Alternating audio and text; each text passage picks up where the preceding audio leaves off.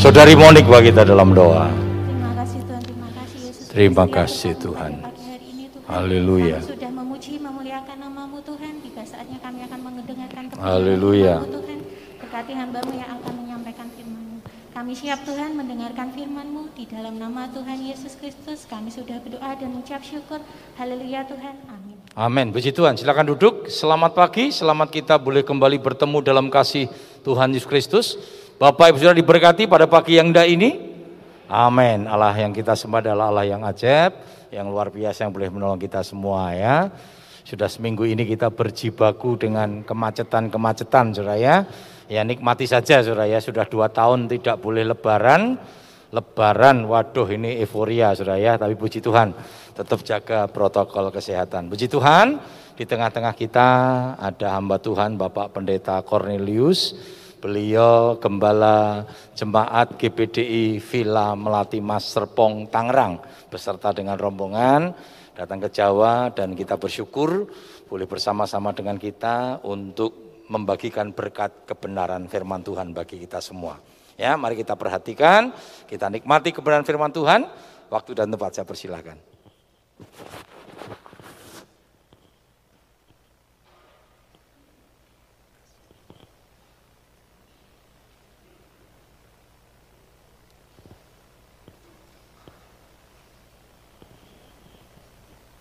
Haleluya. Haleluya. Puji Tuhan, selamat pagi. Saudara-saudara yang diberkati Tuhan. Terima kasih untuk Tuhan, terima kasih untuk Bapak Gembala yang sudah berkenan mengizinkan saya untuk berdiri di hadapan saudara.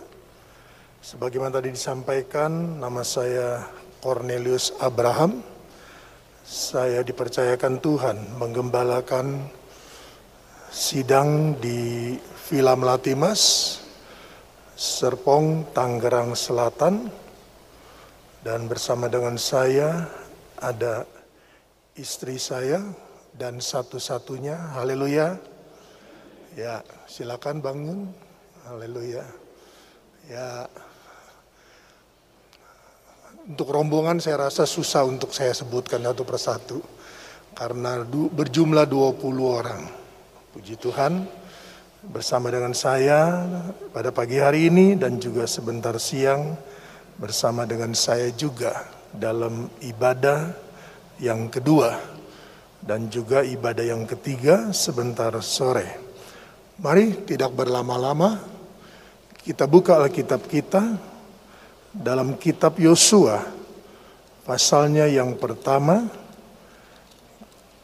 kita baca ayatnya yang ke-9 ini yang sering kali dan kerap kali kita juga lakukan seperti ini. Namun hari ini Tuhan datang dengan kasihnya kepada kita semua untuk menyatakan firman-Nya lagi untuk kita semua. Yosua 1 ayatnya yang ke-9 tertulis demikian. Bukankah telah kuperintahkan kepadamu, kuatkan dan teguhkanlah hatimu, janganlah kecut dan tawar hati, sebab Tuhan Allahmu menyertai engkau ke mana pun engkau pergi. Haleluya, amin. Saudara kasih Tuhan, ini untuk ketiga kalinya firman Allah datang kepada Yosua. Setelah Musa meninggal, maka tongkat kepemimpinan bangsa Israel generasi kedua disampaikan oleh Allah kepada Yosua. Karena kalau kita membaca dalam ayatnya yang ke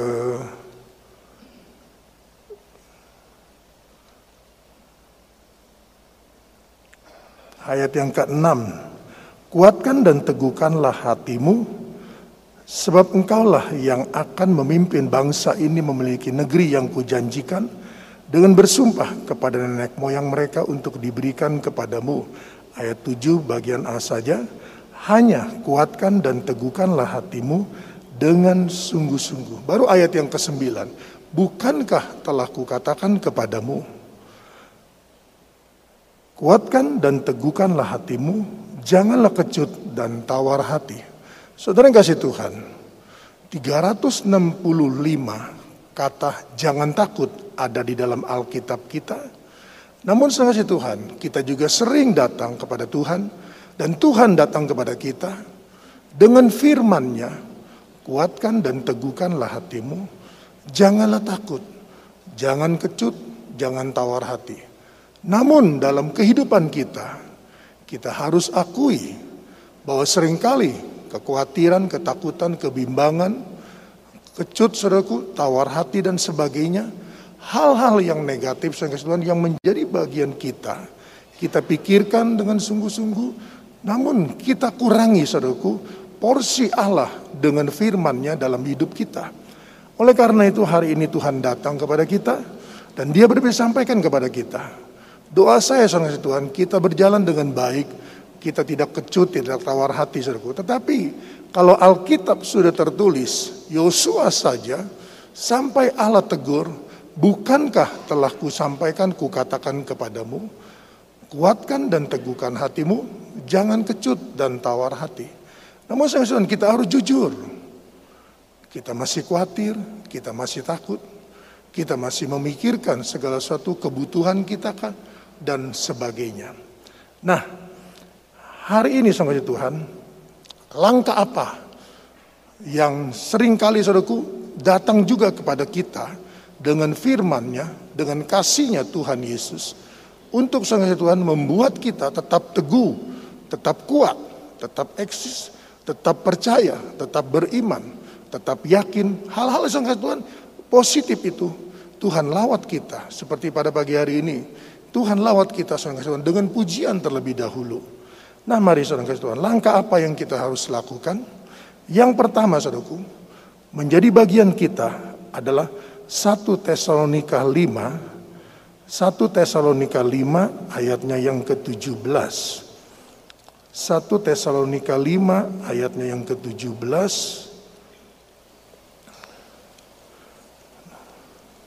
tertulis demikian.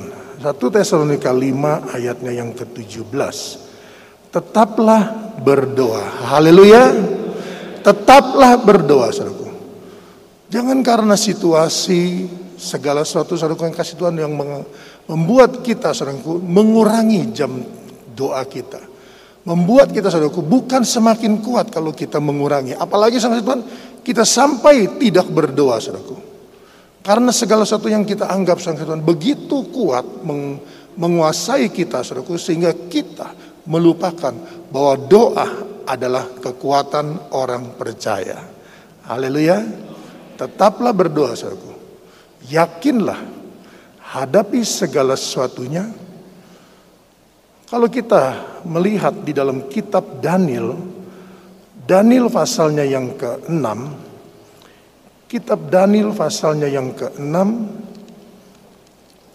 kita akan dapati bahwa dalam tekanan-tekanan hidup Daniel seorang Tuhan melakukan sesuatu yang menjadi bagian dalam hidup dia. Daniel pasalnya yang ke-6 ayatnya yang ke-11. Demi didengar Daniel bahwa surat perintah itu telah dibuat, pergilah ia ke rumahnya.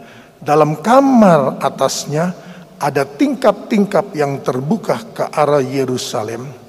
Tiga kali sehari ia berlutut berdoa serta memuji Allahnya seperti yang biasa dilakukannya. Haleluya. Seperti yang biasa dilakukannya.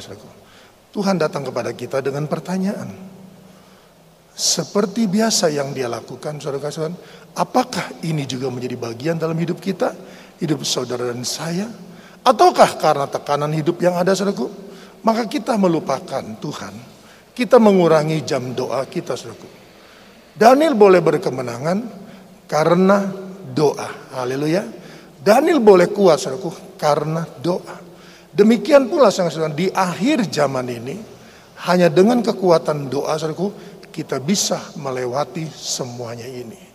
Jangan kurangi jam doa saudara apalagi meniadakan jam doa saudara. Percayalah dengan berdoa kita bisa mengatasi segala satunya dan kita bisa berjalan dalam kemenangan demi kemenangan. Puji Tuhan. Haleluya. Saudara kasih Tuhan. Untuk kita menjadi pendoa, saudaraku, pendoa, untuk kita menjadi pendoa, kita jangan egois. kita juga saudara kasih Tuhan harus menjadi pendoa syafaat. Haleluya. Kita harus kasih Tuhan menjadi pendoa syafaat. Jangan kita berdoa seku hanya untuk kepentingan kita. Jangan kita berdoa kasih Tuhan hanya untuk kebutuhan kita. Saudara kasih Tuhan. Dengan kita menjadi seorang pendoa syafaat saudaraku, maka kita sedang melakukan suatu saudara kasih Tuhan, kita sedang menabur, kita sedang mengikat, kita sedang sang Tuhan menjalankan semuanya ini sehingga satu ketika nanti siapa pun yang kita doakan, apa pun yang kita doakan untuk orang-orang yang kita kasihi dan kita cintai, percayalah doa itu akan menjadi berkat bagi kita segala. Haleluya. Bagi kita saudara Tuhan. Jangan lupakan itu. Seringkali aku saja penuh masalah, aku saja penuh persoalan, aku saja penuh kebutuhan. Masakan aku harus berdoa untuk dia? Masakan aku harus berdoa untuk siapa pun? Belum lagi sama Tuhan perasaan hati, kecewa, sakit, kesal. Saudara kasih Tuhan. Hal-hal tersebut sang kasih Tuhan sering kali menghambat kita untuk menjadi seorang pendoa. Saya yakin saudaraku, firman Tuhan datang bukan secara kebetulan. Amin. Sebetulnya sang Tuhan, saya sedang menyiapkan firman yang tidak yang saya sampaikan sekarang ini, saudaraku. Tetapi ketika saya masuk tadi, saudara Tuhan, maka firman itu Tuhan berikan dengan kebutuhan jemaat Tuhan yang ada. Haleluya. Saya tidak tahu saudaraku, kenapa Tuhan suruh saya untuk menyampaikan firman doa saudaraku. Saya tidak tahu. Tapi Tuhan kita Tuhan yang maha tahu. Haleluya. Dia tahu saudara Tuhan kebutuhan kita. Dia tahu saudara Tuhan mungkin kita sedang kurang berdoa. Kita mungkin sedang lemah saudaraku dalam doa. Kita mungkin sedang lemah dalam iman. Oleh karena itu Tuhan datang kepada kita. Tetaplah berdoa dan doakanlah orang-orang yang membutuhkan kehidupan-kehidupan di hari-hari ini. Dan yang kedua, tadi saya sudah sampaikan. Jangan sampai Tuhan, saudara, karena mungkin ada suatu miskomunikasi saudaraku dengan seseorang, mungkin sangat Tuhan dengan apa yang dia lakukan saudaraku terhadap kita. Saudara kasih Tuhan. Sehingga kita merasa dia tidak layak untuk saya doakan. Dia tidak layak untuk menerima doa saya. Dia tidak layak Tuhan untuk Tuhan jawab dan Tuhan tolong. Saudara sedang melangkah kepada satu kehidupan yang salah. Saudara sedang berjalan di jalan yang salah. Kenapa? Tuhan berkata dalam surat Roma, berdoalah untuk orang-orang yang menyakitimu. Amin. Taruhlah bara di atas kepalanya sehingga ketika Tuhan bekerja saudaraku orang itu menerima kehidupan. Kehidupan yang akan membawa mereka kepada sang Tuhan kekekalan dalam hidup ini sehingga perubahan terjadi dalam hidupnya. Kita tidak tahu saudaraku kapan Tuhan bekerja. Yang kita perlu tahu dan kita harus lakukan adalah kita berdoa berdoa dan berdoa haleluya dalam satu Petrus pasalnya yang keempat. Satu Petrus pasalnya yang keempat.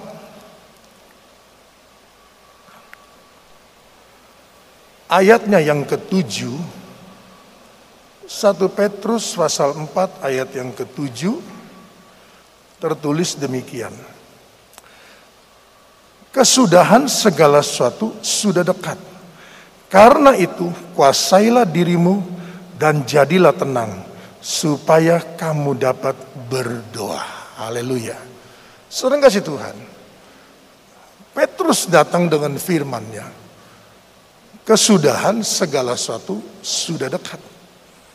Nah karena kesudahan segala sesuatu sudah dekat, saudaraku, maka kehidupan kita, saudaraku, sering kali mencerminkan eh, kesudahan segala sesuatu tersebut yang sudah dekat itu. Nah, hari ini kembali firman Tuhan datang kepada kita. Langkah kita bagaimana, saudaraku?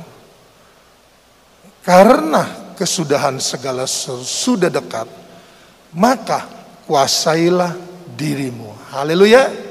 Kuasailah dirimu, saudaraku. Jangan emosi, jangan temperamen, saudaraku. Jangan menyimpan segala satunya yang negatif, saudaraku. Karena kesudahan segala sesuatu sudah dekat, saudaraku, maka kita tidak bisa, saudara kasih Tuhan, menguasai diri. Apalagi jadi tenang, saudaraku. Sukar sekali. Saya sebagai seorang gembala, saudaraku. Tahun ini 27 tahun, saudara Tuhan, penggembalaan yang Tuhan percayakan. Tentunya, saudaraku, seperti gembala saudara. Kerap kali, saudara Tuhan, men menerima atau mendengar atau disampaikan, saudara kasih Tuhan. Segala sesuatu, saudaraku, yang tidak menjadi bagian dalam hidup orang-orang tersebut, apa itu? Kuasailah diri. Saudara. Rumah tangga sang Tuhan, masalah. Bagaimana bisa sekuasai diri, saudaraku? Apalagi tenang, saudaraku. Tadi saya sudah katakan, dengan situasi seperti ini, maka si Tuhan, temperamen, emosional, saudaraku, semua hal-hal yang si Tuhan yang terus saudaraku didorong oleh situasi yang ada, terus saudara Tuhan didorong oleh pikiran kita yang ada, terus saudara Tuhan didorong dengan masalah hati kita. Bagaimana bisa tenang saudaraku? Bagaimana rumah tangga bisa tenang? Bagaimana saudara Tuhan bisa bekerja? Kalau kita saja saudaraku tidak tenang menjalankan hidup kita sebagai orang percaya. Saudara kasih Tuhan, hal yang simpel ini saudaraku Seringkali sang Tuhan kita lupa bahwa ada poin-poin yang Tuhan inginkan. Ada poin-poin yang Tuhan ingin kita hidup dan dihidup di dalam dia. Di dalam poin-poin tersebut maksud saya saudaraku. Kalau saudara kita kembali kepada zaman Yesus saudaraku. Di dalam Matius pasalnya yang ke-8 kita tidak akan baca saudaraku. Ada seorang perwira perwira itu kasih Tuhan di Kapernaum. Nah, ketika atau kita baca saja Matius pasalnya yang ke-8. Matius pasalnya yang ke-8 kita baca ayatnya yang kelima. Ketika Yesus masuk ke Kapernaum, datanglah seorang perwira mendapatkan dia dan memohon kepadanya, Tuhan, hambaku terbaring di rumah karena sakit lumpuh dan ia sangat menderita. Yesus berkata kepadanya, aku akan datang menyembuhkannya. Tetapi jawab perwira itu kepadanya, Tuhan, aku tidak layak menerima Tuhan dalam rumahku. Katakan saja sepatah kata, maka hambaku itu akan sembuh. Sebab aku sendiri seorang bawahan dan di bawahku ada pula prajurit jika aku berkata kepada salah seorang prajurit itu, pergi, maka ia pergi, dan kepada seorang lagi datang, maka ia datang. Ataupun kepada hambaku, kerjakanlah ini, maka ia mengerjakannya. Setelah Yesus mendengar hal itu, heranlah ia dan berkata kepada mereka yang mengikutinya, Aku berkata kepadamu, sesungguhnya iman sebesar ini tidak pernah aku jumpai pada seorang pun di antara orang Israel. Aku berkata kepadamu, banyak orang akan datang dari timur dan barat dan duduk makan bersama-sama dengan Abraham, Ishak dan Yakub di dalam kerajaan Allah. Sedangkan anak-anak kerajaan itu akan dicampakkan ke dalam kegelapan yang paling gelap, di sanalah akan terdapat ratap dan kertak gigi. Lalu Yesus berkata kepada perwira itu, pulanglah dan jadilah kepadamu seperti yang engkau percaya maka pada saat itu juga sembuhlah hambanya. Amin. Yesus yang kita sembah. Sama atau tidak dengan Yesus yang perwira itu percaya. Halo? Sama enggak? Dia sudah melakukan apa yang menjadi misi dia. Tanpa kematian Yesus di atas kayu salib, semua yang tertulis di Alkitab, saudaraku, tidak akan ada dan tidak akan terjadi tanpa Yesus. Semua hal-hal kasih Tuhan, firman-firman perjanjian saudaraku yang dimulai daripada kitab kejadian dengan jatuhnya manusia saudaraku, maka Tuhan merancangkan keselamatan.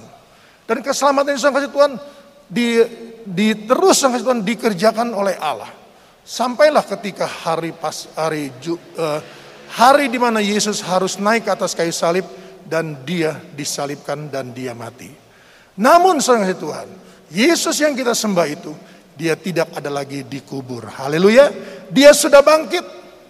Adakah kebangkitan Yesus itu menjadi bagian saudara dan saya? Adakah kebangkitan Yesus menghidupkan kembali apa pun yang sudah mati dalam hidup kita, saudaraku? Hal-hal yang berkaitan dengan rohani. Senang kasih Tuhan.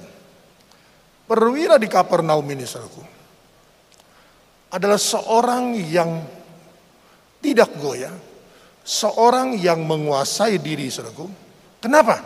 Sebagai seorang perwira, dia datang kepada Yesus. Saudaraku. Dan Yesus mau datang ke rumahnya, saudara, kasih Tuhan, dia berkata, jangan. Saya baca ulang ayatnya yang ke-8. Tetapi jawab perwira itu kepadanya, Tuhan, aku tidak layak menerima Tuhan dalam rumahku. Katakan saja sepatah kata, maka hambaku itu akan sembuh. Sebab aku sendiri seorang bawahan dan di bawahku ada pula prajurit.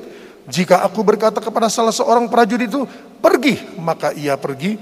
Dan kepada seorang lagi, datang, maka ia datang. Ataupun kepada hambaku, kerjakanlah ini, maka ia mengerjakannya.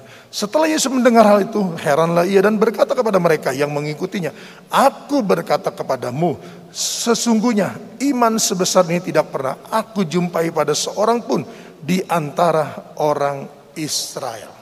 Saudara kasih Tuhan, Ayat ini saudaraku adalah bicara tentang satu kondisi yang terus akan terjadi saudaraku. Terus akan terulang dan terulang dan terulang. Sampai kapan? Sampai ayatnya yang ke-11. Aku berkata kepadamu, banyak orang akan datang dari timur dan barat dan duduk makan bersama-sama dengan Abraham, Ishak dan Yakub di dalam kerajaan surga Sedangkan anak-anak kerajaan itu akan dicampakkan ke dalam kegelapan yang paling gelap. Di sanalah akan terdapat ratap dan kertak gigi. Puji Tuhan, saudara. Saya tadi saya katakan, saudara, bahwa siklus ini akan terus berjalan. Dan Tuhan sedang menunggu, Tuhan sedang mencari, Tuhan ingin menemukan ada orang percaya seperti perwira ini. Apa kelebihannya saudara? Kalau kita membaca sampai sepintas lalu tidak ada sesuatu yang lebih. Saudara, semua juga orang percaya saudara.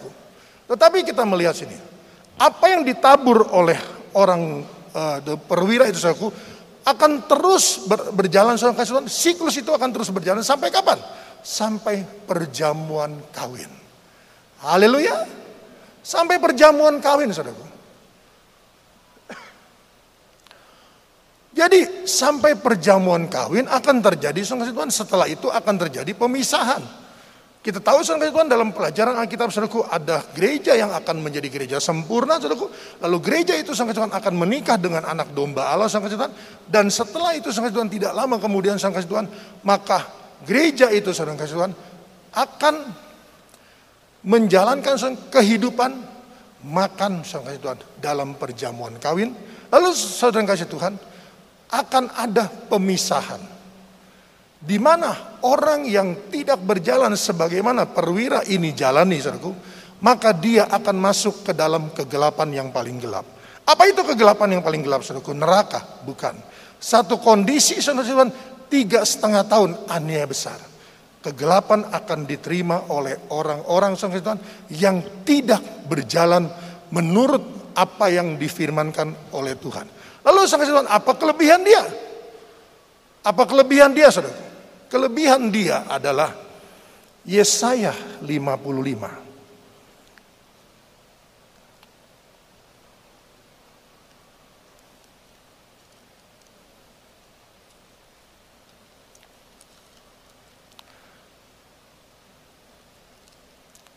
Yesaya 55 saya baca saja ayatnya yang ke Sembilan, seperti tingginya langit dan bumi, demikianlah tingginya jalanku dari jalanmu dan rancanganku dari rancanganmu. Sebab seperti hujan dan salju turun dari langit dan tidak kembali ke situ, melainkan mengairi bumi, membuatnya subur dan menumbuhkan tumbuh-tumbuhan, memberikan benih kepada penabur dan roti kepada orang yang mau makan.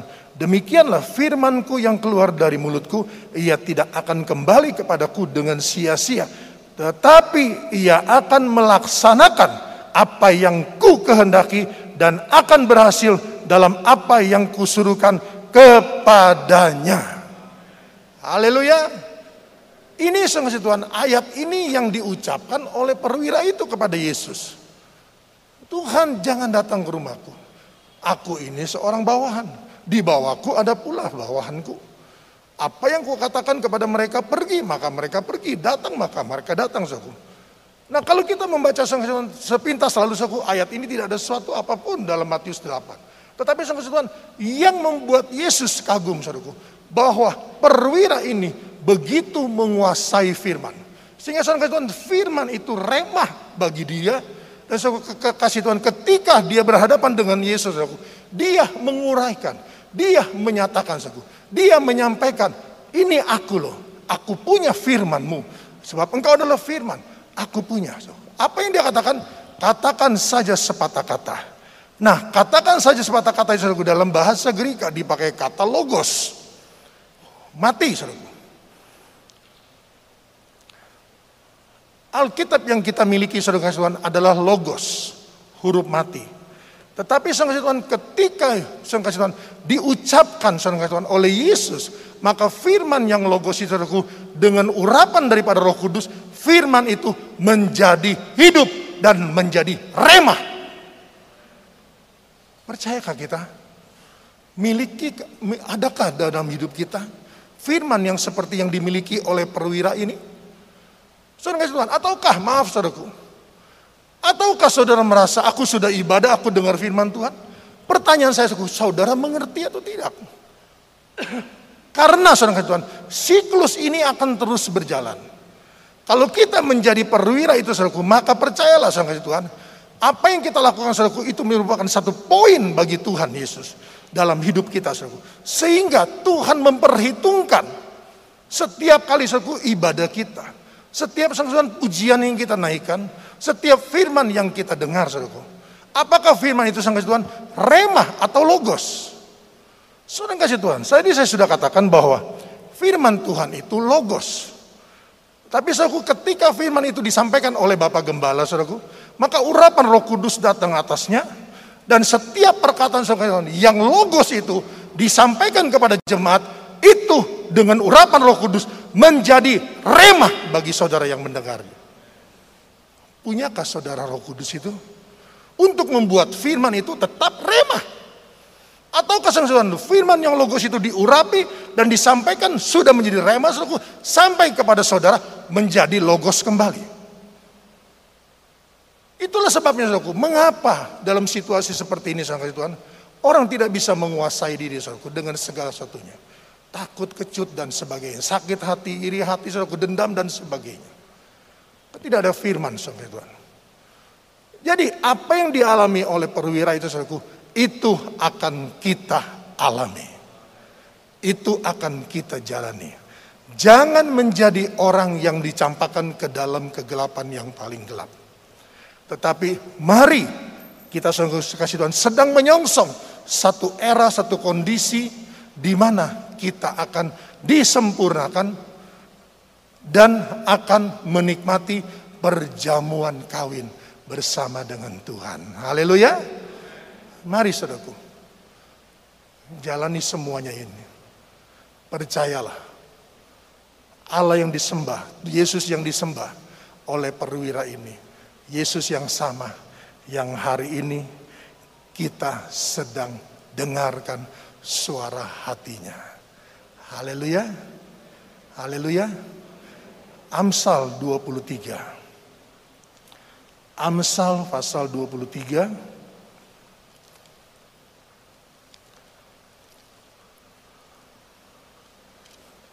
ayatnya yang ke-18, Amsal 23 ayatnya yang ke-18. Karena masa depan sungguh ada dan harapanmu tidak akan hilang. Amin. Saudara percaya? Masa depan itu sungguh ada? Taruh masa depan itu dalam pengharapan saudara. Dengan apa? Amsal 24 ayatnya yang ke-14. Amsal 24 ayatnya yang ke-14. Ketahuilah demikian hikmat untuk jiwamu Jika engkau mendapatnya, maka ada masa depan dan harapanmu tidak akan hilang. Haleluya. Saudara yang kasih Tuhan. Dengan apa masa depan itu kita bisa terima? Dengan apa saudara harapan itu kita akan terima? Menjadi satu kenyataan saudaraku. Dengan hikmat. Dengan hikmat. Siapakah hikmat itu? Waduh, om jalan terus nih om. Siapakah hikmat itu? 1 Korintus 2. 1 Korintus 2 Kita baca ayatnya yang ke-6, 1 Korintus 2 ayatnya yang ke-6. Sungguh pun demikian, kami memberitakan hikmat di kalangan mereka yang telah matang. Itu hikmat yang bukan dari dunia ini, dan yang bukan dari penguasa-penguasa dunia ini, itu penguasa-penguasa yang akan ditiadakan. Ayat 7, perhatikan. Tetapi yang kami beritakan ialah hikmat Allah yang tersembunyi dan rahasia, yang sebelum dunia dijadikan, telah disediakan bagi sediakan Allah bagi kemuliaan kita. Tidak ada dari penguasa dunia ini yang mengenalnya.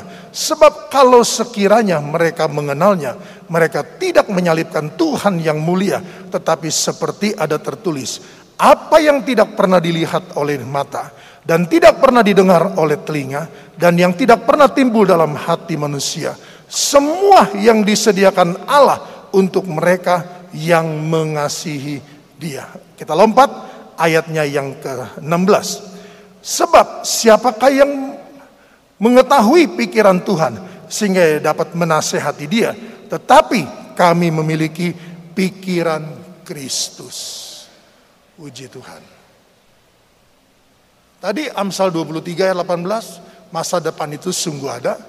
Taruh harapan kita untuk menerima, menyongsong masa depan itu. Masa depan itu kita bisa terima, saudaraku. Harapan itu tetap ada dalam hidup kita, saudaraku. Dengan apa? Dengan hikmat. Jadi saudara kita menyongsong masa depan. Taruh harapan itu, saudaraku. Dengan apa kita jalankan hidup ini, saudaraku. Dengan hikmat. Hikmat itu adalah dikatakan yang sudah tersembunyi. Saudaraku. Kalau saudara membaca dalam kolose 1 ayat 27, semua yang sudah disimpan, semua yang sudah disimpan oleh Tuhan, Tuhan, itu dinyatakan bagi kita yang hidup di zaman akhir ini. Berbahagiakah saudaraku dengan apa yang Tuhan sediakan, dengan hikmat. Bukan hikmat dunia dikatakan dalam ayat yang ke-6 tetapi hikmat yang sudah tersembunyi dari abad ke abad, dari waktu ke waktu, dari masa ke masa, dari generasi kepada generasi, dan akan ditutup saudara Tuhan kepada saudara dan saya generasi terakhir yang menyongsong kegenapan firman Allah. Apa itu hikmat? Pikiran Allah. Saudara bayangkan, pikiran Allah sungguh kita bisa tahu, kita bisa mengerti. Apa itu pikiran Allah? Saudara? Alkitab, firman Tuhan. Aku tidak mengerti. Minta hikmat itu. Apa hikmat itu? Roh Kudus. Penuhi diri saudara dengan Roh Kudus, maka saudara akan mengerti apa yang disampaikan oleh Bapak Gembala dalam ibadah demi ibadah. Saudara yang kasih Tuhan, mari. Harapan itu sungguh ada. Masa depan itu sungguh ada. Jangan saudara kalah dengan situasi kondisi yang ada.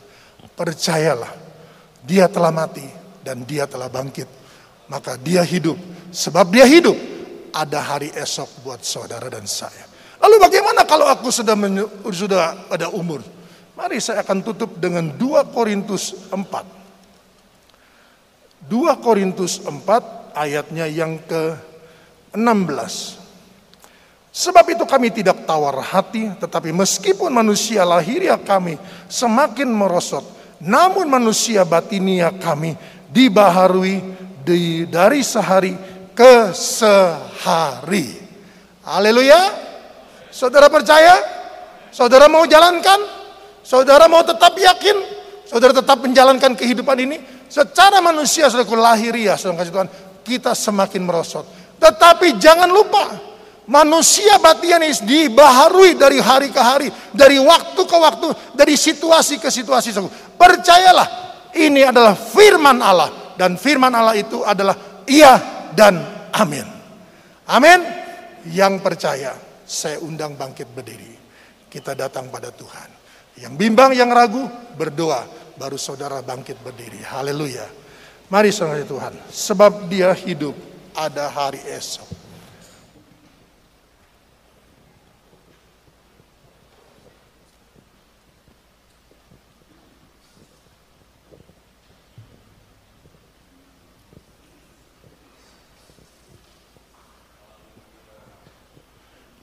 Glory bagimu Yesus. Haleluya. Ya Rabbana kerabasik, ya Rabbana Dia mengasihi saudara. Oleh karena itu dia sampaikan isi hatinya bagi kita semua pada pagi hari ini. Dia tahu keadaan saudara. Dia mengerti kondisi saudara. Namun dia juga saudaraku lebih mengasihi kita. Apabila saudara Tuhan kita tetap yakin tidak tidak goyah, kita percaya bahwa masa depan itu sudah, masa depan itu tetap ada. Harapanmu tidak akan hilang. Taruh harapanmu di dalam Tuhan, dengan Tuhan, maka engkau akan menyongsong apa yang Tuhan sediakan. Kita sedang menunggu berkat yang mata kita belum lihat, telinga kita belum dengar, Berkat itu belum timbul dalam hati saudaraku. Apa yang timbul dalam hati itu masih sangat kecil bagi Tuhan. Dan dia ingin saudaraku kita menjalankan ini bersama dengan Tuhan. Dia telah mati, namun dia hidup. Dia karena dia bangkit. Orang itu berkata, izinkan aku mengurus dulu orang tuaku. Yesus berkata, biarkan orang mati mengurus orang mati. Saudara kasih Tuhan. Ini adalah bahasa rohani yang tinggi, saudaraku, yang kuat. Tuhan mencari bukan orang yang mati. Bukan yang rohaninya mati. Bukan yang imannya mati. Bukan sampai Tuhan tidak mempunyai lagi kemampuan untuk menjalankan hidup ini. Tetapi dia akan mengurapi dan memberkati orang-orang yang hidup di hadapan dia. Yang hidup saudara kasih Tuhan imannya. Yang hidup akan firmannya. Biarkan orang mati mengurus orang mati. Tetapi engkau yang hidup. Urus dirimu. Urus kehidupanmu. Percayalah. Sebab dia hidup. Ada hari esok buat kita semua. Siapa yang ingin didoakan, saya tidak akan mengundang maju ke muka tetapi di mana saudara berdiri, angkat tangan kananmu. Dia hadir, dia ada. Dia ingin melakukan sesuatu yang luar biasa. Dia mengasihi saudara, dia mengasihi saudara. Haleluya, haleluya. Tuhan melihat tangan-tangan yang terangkat. Tuhan mengenal mereka secara pribadi. Tuhan yang peduli, Tuhan yang mengerti, Tuhan yang tahu segala satunya. Tuhan engkau adalah Allah yang punya semua yang mereka butuhkan. Apakah mereka memerlukan jalan? Engkau adalah jalan itu. Apabila mereka rindu Tuhan untuk kebenaran firman-Mu, Engkau juga adalah kebenaran itu. Apabila mereka Tuhan Yesus ingin melihat kehidupan-kehidupan mereka berubah dan diubahkan oleh Tuhan. Engkau juga adalah sumber kehidupan itu. Dalam nama Tuhan Yesus, dalam nama Tuhan Yesus, yang mengangkat tangan, yang percaya, terimalah pertolongan Tuhan, terimalah yang Tuhan sediakan, terimalah yang Tuhan berikan dalam nama Yesus, dalam nama Yesus, dalam nama Yesus Tuhan. Haleluya, haleluya, haleluya, haleluya. Terima kasih Tuhan Yesus, terima kasih. Terima kasih Tuhan. Terima kasih Yesus. Haleluya, haleluya. Glory bagimu Tuhan. Dalam nama Tuhan Yesus Kristus. Hamba mengucap syukur dan terima kasih. Haleluya. Semua yang percaya dan menerima berkat Tuhan berkata,